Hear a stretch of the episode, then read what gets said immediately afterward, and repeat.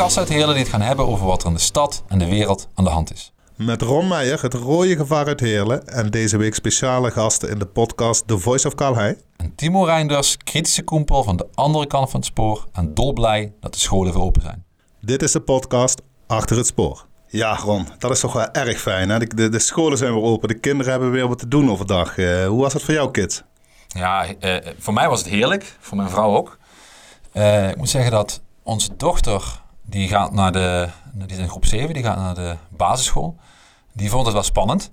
Want ja, heb je toch een behoorlijk lange tijd je, je vriendje vriendinnetje niet meer gezien. En dat is toch een vorm van ja, sociale uh, dynamiek. Hè? Dus je moet denk ik ook maar uh, zien of die sociale dynamiek er zo nog is. Dus ik merkte echt aan dat ze het spannend vond. Ja, de jongste gaat naar de kinderopvang. Ja, die vindt het heerlijk om op nieuwe auto's te crossen. Dus die heeft de boel gesloopt, denk ik, daar. Ja, ja, die gaat er nog heel losjes mee op. Nou, dat merkte ik ook al. Bij mijn oudste zoon was, was, was inderdaad heel spannend. Dus die was echt... Welke klas zit hij? Die zit in groep 5, is 8. Nou, die was gewoon, die was gewoon echt gespannen. Dus was uh, s ochtends ook niet te genieten. Hè? Alsof hij voor het eerst naar een nieuwe school ging. Zo voelde het echt. De jongste die ging er wel los mee om. Die zit in groep 1. En die, ging dan wel, uh, die vond het wel heel spannend van hoe kom ik daar nu binnen. Hè? Want hij moest nu aan de poort moest hij losgelaten worden.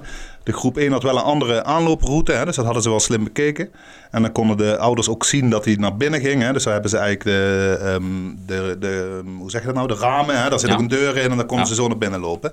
Dus uh, god, ja, weet je, en volgens mij zijn ze binnen een half uur waar ze weer gewend. Was het weer de normaalste zaak van de wereld. Kwamen ze uit school, wilden ze uiteraard niet vertellen hoe het geweest was. Alleen maar leuk. Hè? Ik weet niet of die voor jou altijd een uitgebreid relaas doen.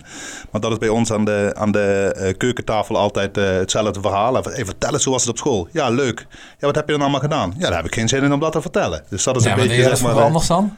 Ja, uitgebreid over je nou, dilemma's. Ja, ja zeker. Uh, ik ging altijd gewoon uh, half uur per half uur vertelde ik ja, precies wat er gebeurd was. Ja, natuurlijk. Nee, nee, natuurlijk. Dat is natuurlijk ook mega oninteressant. Je hebt de hele dag al moeten meemaken en dan moet je dan nog aan je ouders gaan dat vertellen. Dat jij niet hoopt dat jouw kinderen als ze ouder zijn, zo 17, 18, 19 dat jij niet de illusie hebt dat ze je alles gaan vertellen. Nee, Want nee, nee, nee die illusie heb ik niet. Nee, dat deed ik ook niet. Dat was heel verstandig dat ik dat niet deed. Hè? Hey, maar uh, ik zei het al bij de inleiding. Jij was, uh, uh, je hebt veel gesprekken gevoerd deze week. Ik, ik heb gisteren, heel veel goede gesprekken gevoerd. Ja. Gisteren heb ik met, met, met Chips op de bank heb ik ontzettend genoten van, van het nieuwe normaal. Hè? Dat is zeg maar een online uitzending, talkshow van de Nieuwe Noord. Daar zat je met Jos van de Mortel. Um, nou ja, het was voor mij heel leuk om te zien. Was het voor jou ook een beetje leuk om te doen? Nou, ik heb mijn portie wel weer gehad. Dus uh, dit, uh, ik spreek altijd graag met iedereen die debat aan wil. Maar ja, als je de hele dag niks anders doet dan elk argument counteren met beledigingen en scheldpartijen. Ik, het is niet mijn natuurlijke houding om kalm te blijven in dat soort omstandigheden, kan ik je vertellen. Maar dat was wel nodig, want anders was het... Ja, dat ging natuurlijk nergens over. En ik... Ja, we hebben het laatste keer over vastgoed gehad. Uh, daar kun je echt een serieus en een goed, uh, interessant debat en gesprek over voeren. Absoluut. Waarbij je het ook niet met elkaar eens hoeft te zijn. Het gaat over democratie en andere dingen. Maar ja, ik heb mijn portie van de mortel weer voor een tijdje gehad. Nou, laten we het hebben over leukere dingen. Hè? Je bent, ja, laat, me, laat, me, laat me in zeggen over het nieuwe normaal. Dat, dat zeg maar het debatprogramma of het, het programma van de Nog. Ik vind het echt goed dat ze dat doen. Uh, want ik zou hopen dat de krant dit doet. Of, of L1 of de Limburger. Maar dat een poppodium dit dus moet doen. Dat is op de eerste plaats een compliment aan het poppodium. Maar dat dat nu in het gat springt dat andere media gewoon laten liggen. Ik bedoel, de grote twee media, de Limburger en, en, en L1, die kunnen toch prima, juist nu, mensen zitten daarop te wachten. Ik geloof dat het, dat het badje, dat, dat die, die schreeuwpartij, dat die inmiddels al een keer of 6000 bekeken is. Waarom wordt dat niet veel meer georganiseerd? Ik, ja, nee, nou, laat de Noord nou het goede voorbeeld hebben gegeven. Ja, ja credits ook voor Johan de Niet hierin. Hè, want Zeker. ik stel me voor dat hij met de handen in het haar zit. Die ziet zijn hele, um, hele seizoen is in het water gevallen. Misschien wel zijn hele jaar. Hoe gaat hij dit financieel maar dat allemaal is toch rond knap. uh, dus, dus je hebt in alle opzichten hè, moet je nadenken over hoe houd ik mijn poppodium overeind. En terwijl je dat doet, heb je een debatprogramma, organiseer je dat, daar moet je toch het een en ander voor doen. Terwijl ja, daar eigenlijk andere clubs zijn die dat veel logischer zouden kunnen organiseren. Dus inderdaad, grote complimenten aan uh, wat je ook vond van het, van het debat dat ik met meneer Van der Mocht heb gevoerd. Grote complimenten aan de Noord dat ze dit soort dingen organiseren. Ja, ja want ik weet je, in een, in een iets bredere context vind ik dat ook wel echt een van de meest zorgwekkende ontwikkelingen ook van deze crisis. Hè? De cultuursector, die hebben het enorm zwaar. En die zijn natuurlijk de afgelopen tien jaar zijn die al enorm, uh, is er al enorm op beknibbeld. Hè? Ja. Alleen nog dat A-segment en je moest jezelf maar bedruipen en allemaal bedrijfs- uh, um, of ja, winstgemotiveerde beleid. Hè? Van, joh, je, moet je, je moet je eigen broek ophouden. En, en nu ook weer, als je ziet met hoeveel pijn en moeite er eenmalig 300 miljoen wordt uitgegeven. Ja Ehm, en het eigenlijk heel stil blijft. Hè? Bijna ja. heel veel partijen hebben daarvoor gezegd van jongens, dit moet meer zijn en toch, toch komt het niet van de grond. Kijk, binnen de kortste keren trekt het kabinet 4 miljard uit voor KLM. En dan ben ik op zich, hè, ik bedoel, uh, nationaliseer ze dan zou ik zeggen, in plaats van alleen de aandeelhouders uh, te redden. Maar die culturele sector, en dat geldt natuurlijk, kijk, heel veel mensen zien natuurlijk wat er in de zorg gebeurt. En, en, en daar hebben we het natuurlijk vaak over gehad. En daar moet heel veel waardering voor zijn. Ik bedoel, dat, zijn, dat blijken nu de echte helden in deze samenleving te zijn. Die publieke sector, maar inderdaad kunst en cultuur. Uh, dat, dat als we niet oppassen, raken we echt een belangrijk deel in de komende tijd kwijt. En ik vind wat dat betreft, kijk, je weet hoe kritisch ik ben op het kabinet. Maar mijn hemel, waar blijft de provincie? Ik bedoel, die hebben een miljard, hebben die gewoon nog steeds uh, klaar liggen om, om, om, om goede dingen mee te doen. Nou, ik zou zeggen, het overeind houden van de Limburgse culturele sector. Waar heel veel mensen werken, waar heel veel mensen van genieten. Waar heel veel mensen... zeker in Heerlen, hè? Zeker in Heerlen. Nou ja, we hebben er natuurlijk in Heerlen ook heel veel Heerlensgeld in gestopt. Maar breder gedacht dan alleen Heerlen. ja, Ger Koopmans, waar blijf je nou? Je bent toch de grote kleine Napoleon van deze provincie. Waar blijf je nou bij het redden van de culturele sector? Je kunt dat, je hebt het geld daarvoor. Uh, ik zou zeggen, uh, optrekken als hij dan een Napoleon is. En hij wil niet luisteren, optrekken naar het provinciehuis. Daar ligt ook zo'n mooie brug voor. Dan kunnen we een prima slag kunnen we daar leveren. Kom je nog eens in Maastricht? Om daar, uh, kom nog een keer in Maastricht, bij de vrienden in Maastricht. om daar echt, ja, een klein beetje geld op zijn minst om die culturele sector overeind te kunnen laten houden. Lijkt me wel, uh, ja, wel lijkt me goed. Maar goed, ondertussen dwalen we af. Hè. Ik, wat ik eigenlijk aan je wilde vragen is uh, The Voice of Calhei. Hè. Misschien ook weer even goed om die in het zonnetje te zetten. Een super toffe podcast van Bjorn Jegers en Rob Fransen. Um, en het gaat eigenlijk over Roda in al zijn facetten. Ja, ze hebben mij uitgenodigd. Dus nu alleen maar uh, lyrische commentaren over de, de Voice of Calhei ja, natuurlijk. waarom hebben ze jou eigenlijk uitgenodigd, Ron? nou, ja, ik heb mijn debuut mogen maken daar. Dat vond ik nog spannend ook. S ochtends vroeg, vroeg opgestaan. Ik ben gaan hardlopen. Ik heb mijn netste kleding aangedaan. Moet je je voorstellen voor een podcast. Nu zit ik niet in mijn netste kleding. Nee, ik zie het. Ja, nee, dankjewel. Maar ik, uh, ik, uh, ja, ik was echt een gezonde wedstrijdspanning. Uh, niet omdat Rob Fransen en, en Bjorn Jegers nou de moeilijkste mannen zijn. Maar wel omdat ik het echt een leuke podcast vind. Ik bedoel, het wordt ook zeer stevig beluisterd. We hebben de eerste nieuwtjes. Um, doen dat ook een beetje... Ja, het is een combinatie van ouwe hoeren. Um, af en toe hele goede analyses, af en toe iets minder goede analyses. Je moet maar zelf beoordelen hoe dat zit met wat ik heb gezegd. Maar ja, er is wel, er is echt behoefte om in een gemeenschap, zoals in dit geval de Roda-gemeenschap. Uh, het is ook een beetje het Hollywood van, van, van Zuid-Limburg uh, als club. ja. uh, dat, daar, is een enorme behoefte om je met die club te bemoeien, om er iets van te vinden om erbij betrokken te zijn. En dat is precies ook waarom, als je het succes van die podcast ziet en de betrokkenheid van mensen, dat is ook waarom die club niet kapot gaat. Omdat er te veel mensen iedere dag weer opstaan, uh, kapot gaan van de situatie van de club nu. En uh, nou, dus deze podcast is echt... Ik ben een groot fan, ik luister hem altijd. Dus, uh. ik, ben, ik, vind je, ik vind je wel heel optimistisch. Hè? Ik, laat ik het uh, vooropstellen dat ik ook hoop dat die club niet kapot gaat, dat hij het overleeft. Hè? Maar het is niet onrealistisch om te veronderstellen dat er in september niet gevoetbald wordt. Hè? Als je nu de signalen vanuit het kabinet beluistert, dan staat voetbal niet op de eerste rij om weer te hervatten. Ik vraag me wel af of clubs als Roda, die het al zo moeilijk hebben, of die deze storm gaan doorstaan. Dan moet er toch wel echt een een, uh, een suikerom à la Nol Hendricks gaan opstaan om de boel overeind te houden? Nou ja, dat, ja, zullen vast zeker rijke mensen nodig zijn. Maar veel belangrijker vind ik dat gewone voetbalfans zich daarmee moeten gaan bemoeien. wij hebben allemaal niet zo heel veel geld, maar met heel veel mensen een beetje geld. heel veel mensen die allemaal een beetje geld bij elkaar leggen, is ook heel veel geld. Dus um, misschien moeten we in een van de volgende podcasts wel eens uitgebreid gaan hebben. Misschien wel een keer uh, van de straat en dan, uh, dan over ons clubje, zou ik maar zeggen. Want er, vallen wel, uh, er zijn heel, heel, interessante maatschappelijke parallellen te maken met wat daar allemaal gebeurt. Dus ik ben super optimistisch. Ik ben ook een rasoptimist. We hebben in de eerste, een van de eerste podcasts afgesproken dat jij een beetje de cynische scepticus bent en dat ik de rasoptimist ja, ben. De ja, de Radikalinski, hè? Wat Radikalinski, mij. Ja, ja. Dus ja, ik ben blij met, met, met, ja, met de podcast. Mooi, mooi. Hey, je hebt een boek voor je liggen, Chefs. We hebben natuurlijk de vorige ja. keer gehad over, over achter het spoor, vooroordelen. En um, vertel eens, vertel eens over het boek. Ja, dat boek, het, Chefs, betekent zoveel in goed, uh, in goed uh, Nederlands gezegd als krapul en krauw. Hè? Zoals we dat hier in deze regio zeggen. Dat is gaaiers. toch uh, gaaiers, tokkies. Marginalen. Ja, dat soort begrippen allemaal. En daar worden allerlei uh, beelden bij, in, bij, bij, horen allerlei beelden bij. En, en Chefs is eigenlijk de Britse variant ervan. Geschreven dat boek door Owen Jones.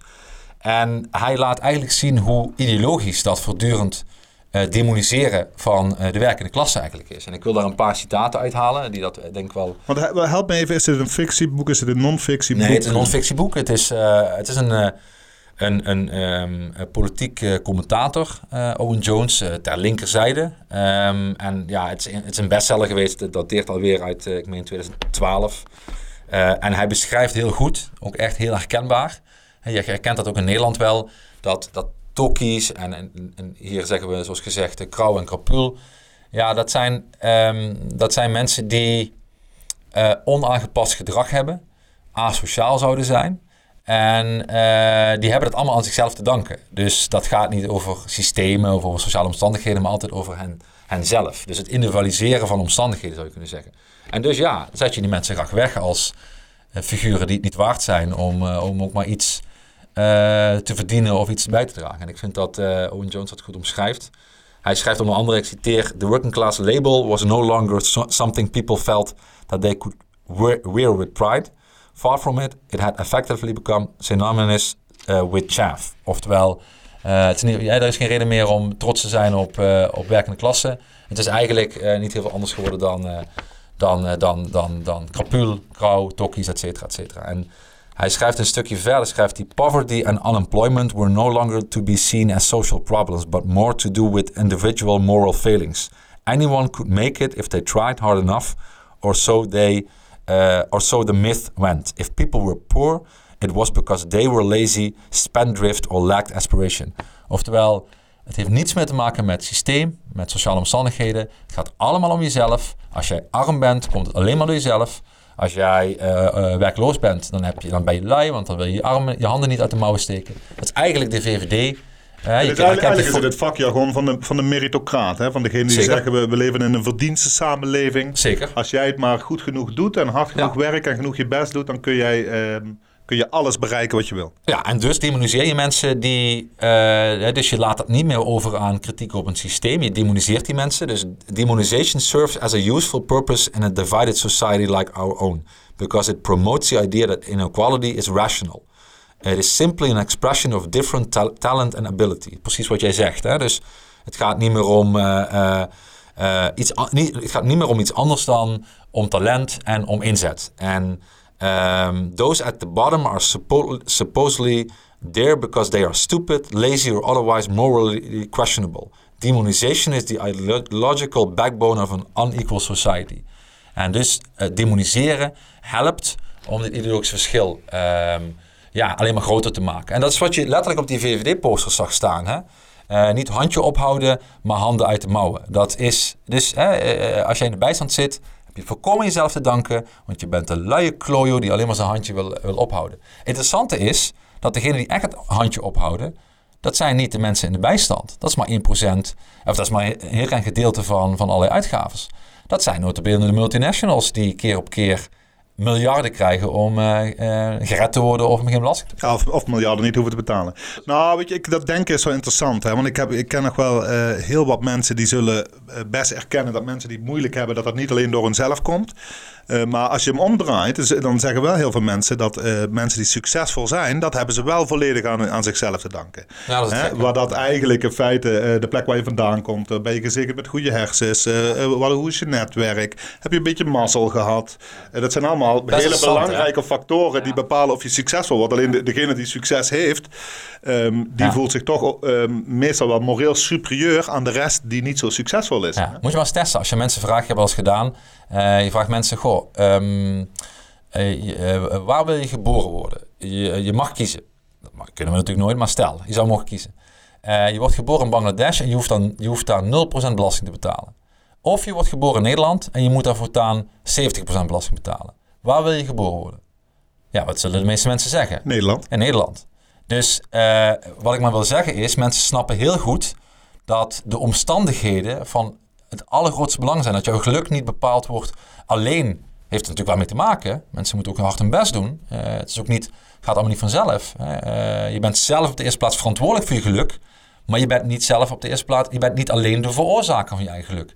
En dus als, eh, ik veel discussie over gehad met mijn eh, eh, goed verdiende middenklasvrienden. En die antwoorden op deze vraag allemaal, ja natuurlijk wil ik, wil ik dan in Nederland geboren worden. Want de omstandigheden zijn beter en dan betaal ik maar liever 70% belasting. Eh, dan ik een Bangladesh. Want iedereen snapt dat dat niet een betere toekomst oplevert. Nou ja, dus Ja. we snappen het wel, maar tegelijkertijd komt het soms ook goed uit om anders te redeneren. En dat is ideologisch. Dat is geen toeval. Ja, genoeg hierover. Timo's tips. Welke tip heb je vandaag? Ja? Timo's tips. Ja, ik, had, ehm, ik zat erover na te denken. Hè. Je zei, eh, Timo, wat zou het leuk zijn als jij een tip eh, geeft. Ehm, en ik heb natuurlijk wat, wat zaken gelezen de laatste tijd. Hè, want je hebt toch wat meer tijd. Je zit wat meer thuis. Nou, je hebt niks te Ehm, doen. Ik heb, ik heb er helemaal niks te doen. Ik kan alleen maar lezen. Nee.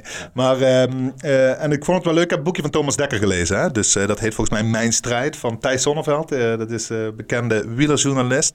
En ik dacht, het is misschien even leuk om aan te halen. Niet zozeer om dat boekje. Hè? Dat boekje geeft een ontluisterend beeld van de profwielrenner. Hè? Maar dat dat toch vaak hele sympathieke, benaderbare... wat ielige mannetjes zijn. Ja, staat dat boek vol van feesten, hoeren, alcohol, drugs, doping. Nou, dat beeld wat wordt geschetst eh, van, dat, eh, van die carrière van, van, eh, van Thomas Dekker is echt ongelooflijk. Nou, het, het leest enorm vlot. Het is een leuk boekje om te lezen. Ehm, maar eh, waarom wil ik het ook aanhalen? Waar ik erg blij van word. Er is nog één sport die gaat dit jaar, als het goed is, nog wel van starten. Dat is wielrennen. Ja. Niet, hou je van wielrennen, Ron? Ja, ik vind het leuk om te zien. Ik ben absoluut geen kenner. Ehm, maar ik vind het wel tof om het slot te zien of een samenvatting. Mijn opa aan, aan mijn moeders kant, vader van mijn moeder, die kon dit echt. eh, ook, de- ook de broers van, van mijn moeder, die konden dit. Mijn ooms konden dit echt dagenlang vanaf 's ochtends vroeg tot 's avonds laat kijken. Eh, elke, elke trap, eh, eh, elke omwenteling vonden ze fantastisch. Ja, dat, dat kon ik echt niet. En dat kan ik nog steeds Nee? niet. Oh, nee, ik kan echt Maar ik vind het wel een fascinerende sport. Omdat het natuurlijk veel meer lijden is dan welke andere sport. Je ziet die mannen en die vrouwen ook echt gewoon kapot gaan, om het zo te zeggen. Ja, dat vind ik fascinerend. Ja, er, zit, weet je, er, zit zoveel, er zitten zoveel facetten in een wielerwedstrijd. Hè. Het is natuurlijk een individuele sport. Het is een teamsport. Eh, je ziet mensen kapot gaan. Je ziet eh, deeltjes gesloten worden soms in grote rondes. Eh, dus ik kan er echt enorm van genieten. Ik kan ook echt de Tour de France, volg ik op de voet. Bijvoorbeeld op Pasen is meestal altijd de ronde van Vlaanderen of Parijs-Roubaix. Nou, dan zitten we met het hele gezin zitten we Ja. even voor de tv. Hè, want dan gaan we meestal naar mijn ouders. Dus eh, nee, ik ben een groot wielerfan. En dit najaar, ik geloof dat dat in september begint, dan worden gewoon nog alle drie de grote rondes. Ehm, en alle klassiekers worden nog verreden. Ik ben ook wel heel benieuwd hoe dat dan... En dat staat vast, dus dat wil zeggen... ja, dat is allemaal gepland. Nou ja, goed, eh, dat, staat staat, vast. dat is met potlood is dat eh, gepland. Ehm, ik hoop van harte dat het doorgaat. Eh, ik denk dat eh, de Tour de France die gaat door. Ehm, want die hebben eigenlijk vanaf het begin af aan gezegd, dit gaan we gewoon doen. En desnoods houden we alle mensen binnen, mag er niemand komen kijken. Maar wij gaan wielrennen. Ik hoop natuurlijk eh, dat het doorgaat. Want als het doorgaat, betekent het ook goed, eh, dat het goed gaat met de coronacrisis. En dat we het langzaam aan het overwinnen zijn.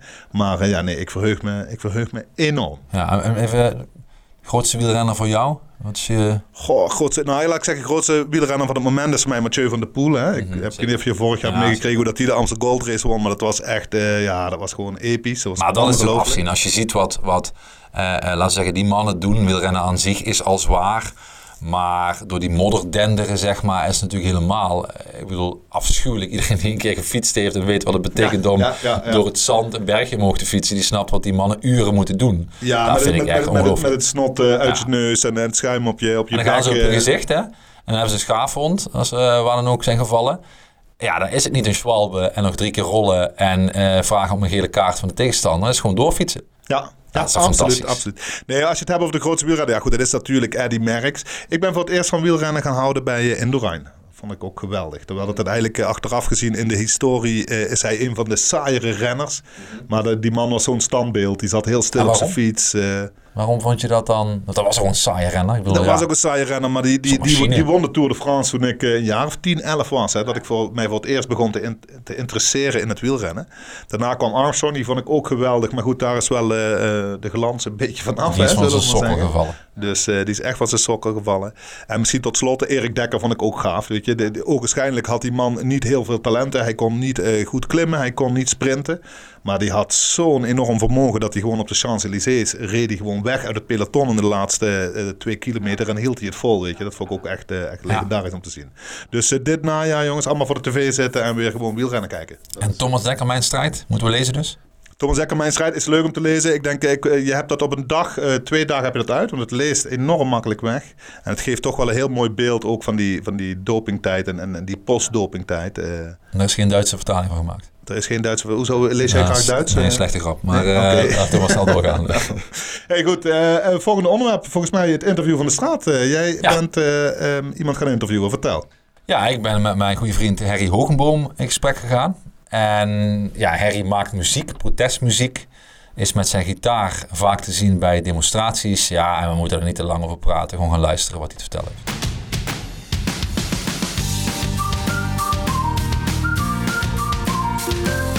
uh, doen deze bijeenkomst uh, via een van de bekende videoplatformen.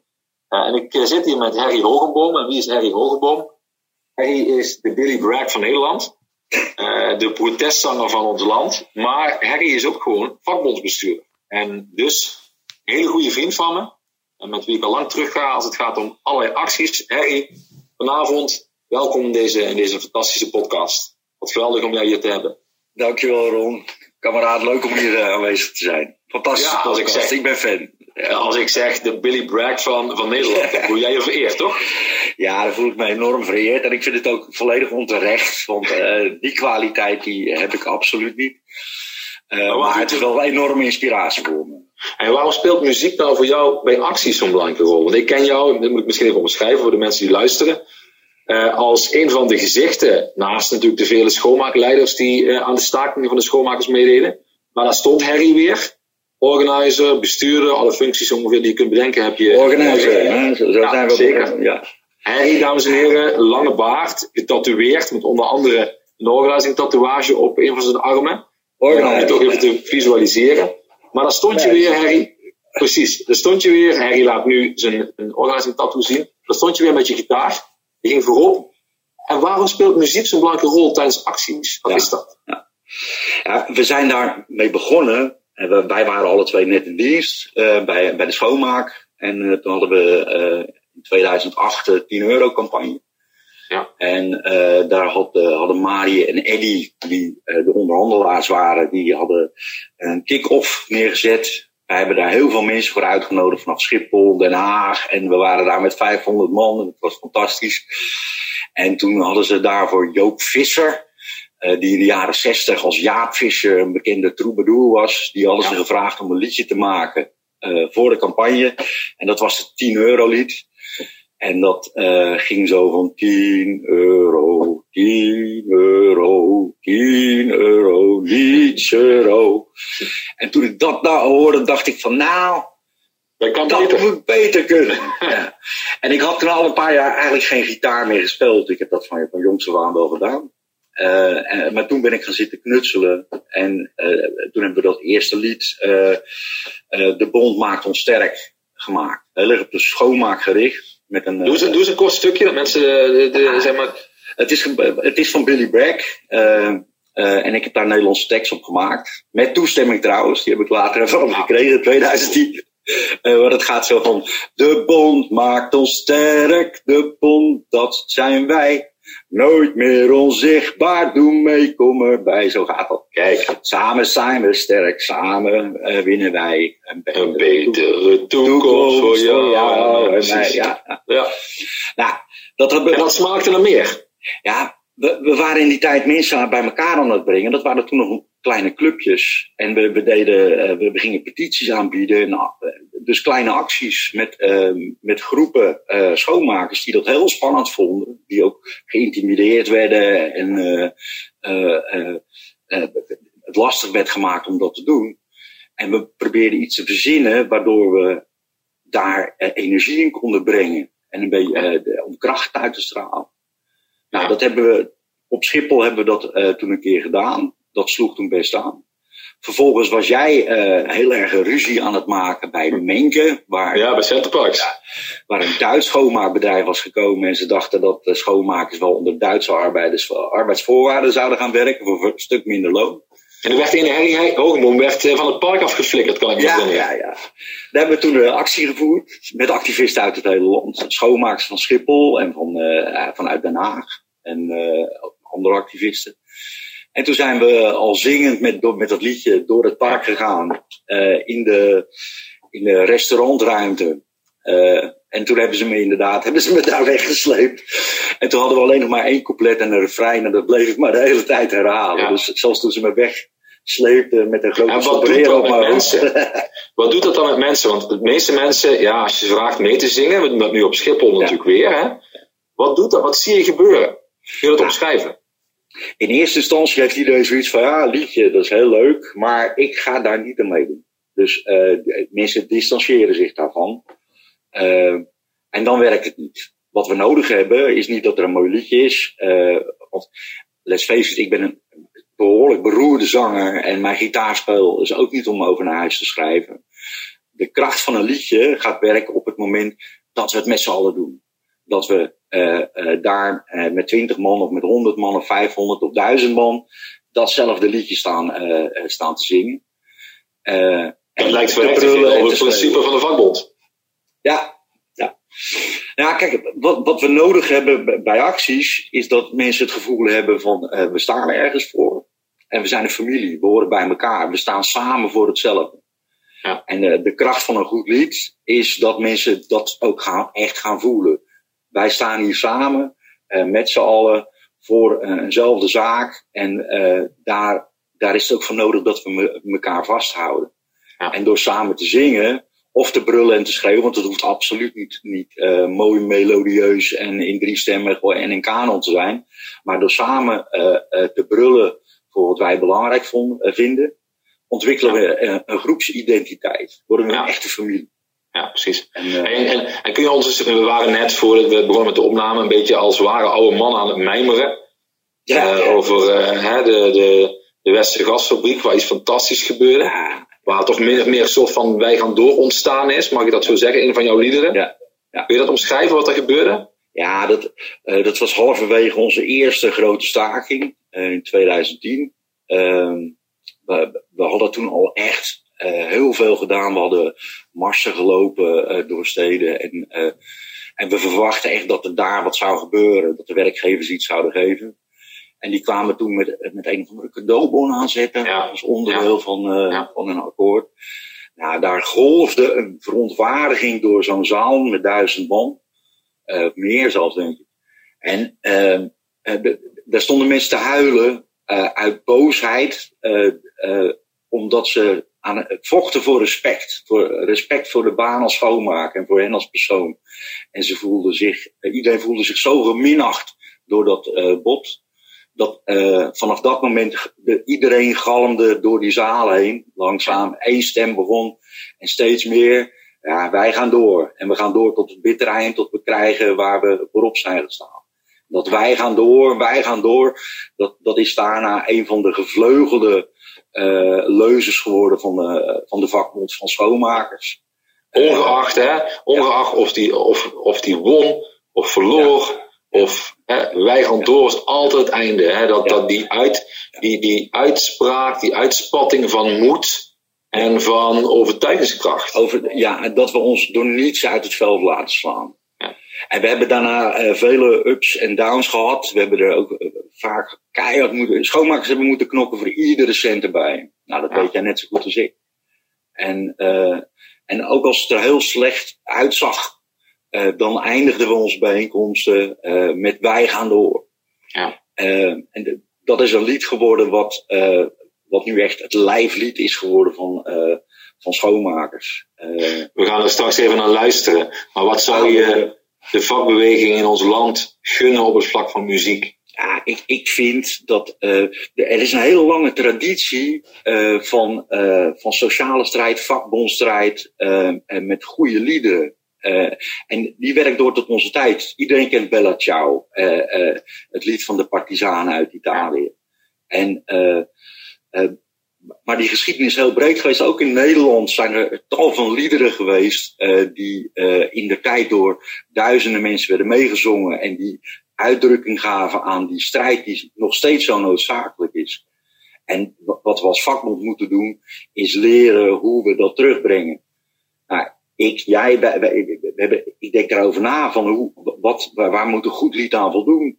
Hoe kunnen we zorgen dat mensen uit honderd verschillende uh, culturen en honderd landen die hier komen om de rotzooi op te ruimen, gezamenlijk iets, uh, iets kunnen roepen en zingen?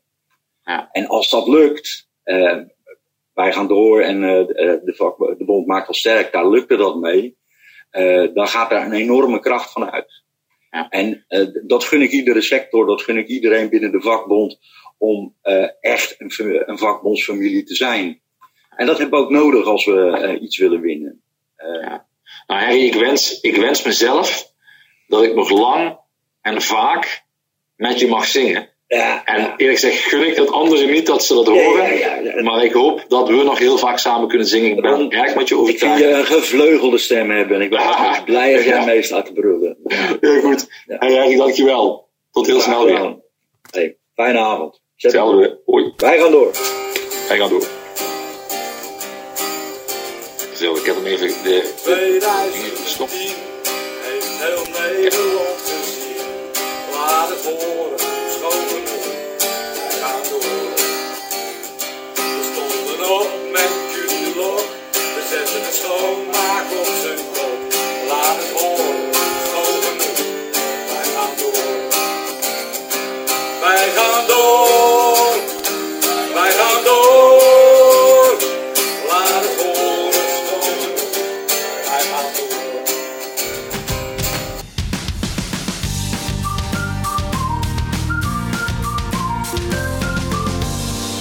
Hartstikke leuk interview, uh, Ron. Um, ja, wat voor mij lastig om dat te evenaren. Ik ga wel mijn stinkende best doen. Ik heb overigens nog helemaal geen idee wie ik ga interviewen. Dus ik ga daar zelf over nadenken. Maar uh, ja, als er luisteraars zijn die ideeën hebben, stuur ze vooral, uh, stuur ze vooral mijn kant op. Luisteraarstips. En niet alleen jouw familieleden mogen reageren. nee, dus af, ook de ouders en de, en de familie van Ron, die mogen ook reageren. Heel goed. En, en onze technicus Vincent mag ook reageren als hij wil. Hey, 6 mei 2002. Weet je wat er gebeurde op 6 mei 2002? Ja, dat weet ik. Ja, toen is uh, Pim Fortuyn vermoord. Ja, Pim Fortuyn vermoord. Ik weet nog goed waar, dat, waar ik was toen. Ik hoorde dat. Ik was echt gechoqueerd. Uh, en inmiddels eh, is dat 18 jaar geleden. Uh, dus dat is een hele generatie weer opgegroeid. Mensen zijn inmiddels alweer volwassen sinds die tijd. En ik dacht, daar moeten we zo van hebben. Wat heeft um, Pim Fortuyn met zijn revolte, zoals hij wel vaker genoemd, wat tikkeltje overdreven, maar toch, wat heeft hij nou opgeleverd?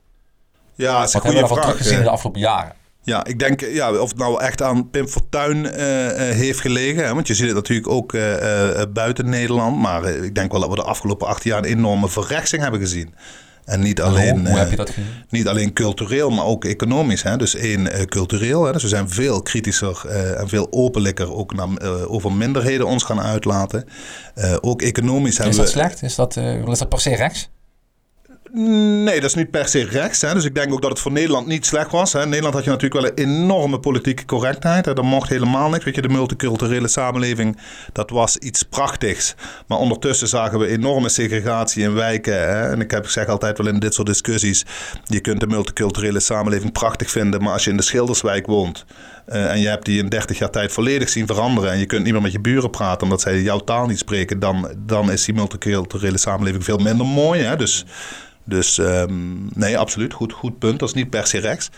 Um, maar, maar, ik denk wel. Het is veel harder. Ja, het is veel harder geworden. En, en ik denk wel dat de, de veranderde toonzetting, die uh, um, voor een bepaald deel ook goed is, die heeft er ook toe geleid dat de excessen ook groter worden. Hè? Dus dat het ook makkelijker is om, om te zeggen: willen we meer of minder Marokkanen, om maar eens even een voorbeeld te geven. En dat gaat toch wel een bepaalde grens over. Zou je kunnen zeggen dat elke emancipatie gaat gepaard met, met spanning en met schuren. Ik bedoel, um, wel interessant dat. Um, uh, ik weet even niet meer wie dat, in, wie dat zei. Uh, maar dat, nou ja, daar kom ik nog wel op. Maar dat je, uh, er zijn gemeenschappen waar je nooit iets van hoort. Ik vind een interessant voorbeeld daarvan.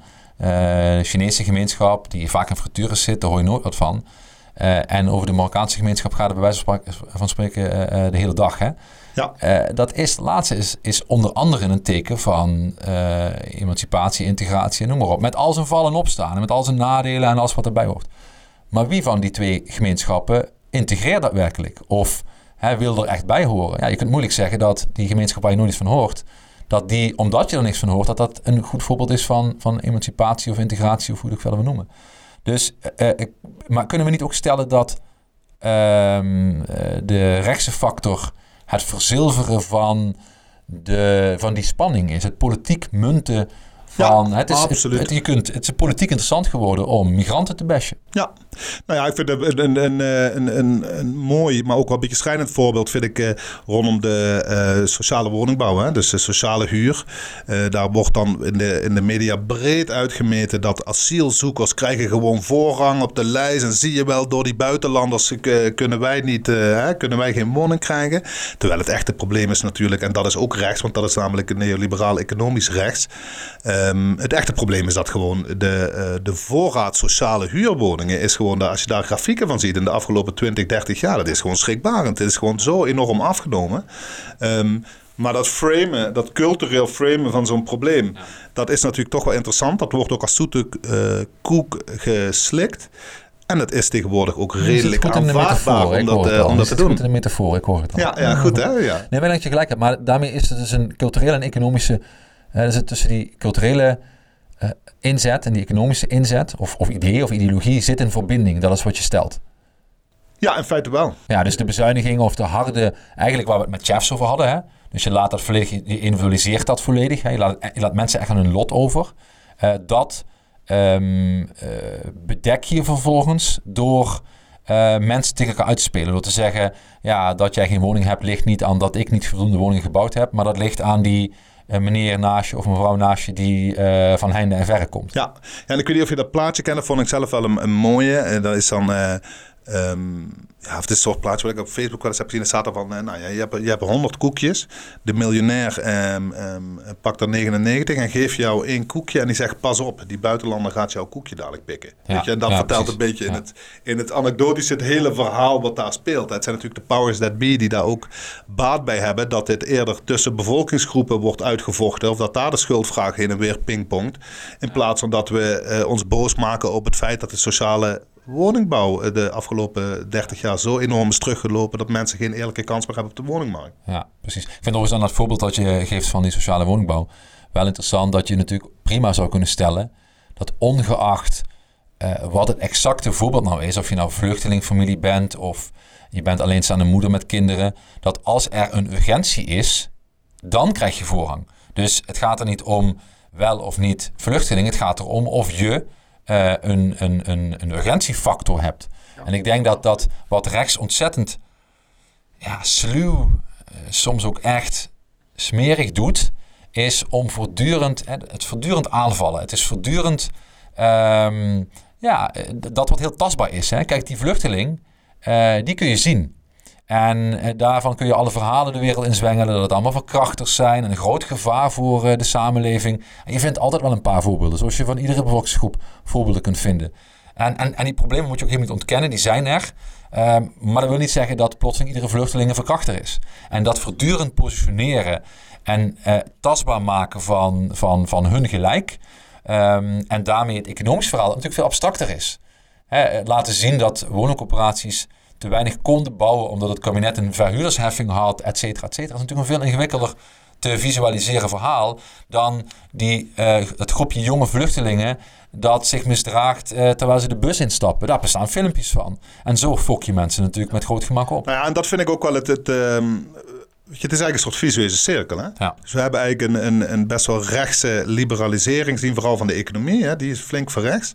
Dat leidt ertoe dat mensen onzeker worden. Hè? Dus ze hebben minder zekerheden. Gewoon de simpele idealen van huisje, boompje, beestje. Weet je, ik wil een fijne woning. Ik wil een autootje kunnen kopen. Ik wil af en toe op vakantie kunnen. Nou, die, uh, die zekerheden die zijn voor heel veel mensen zo zeker niet meer.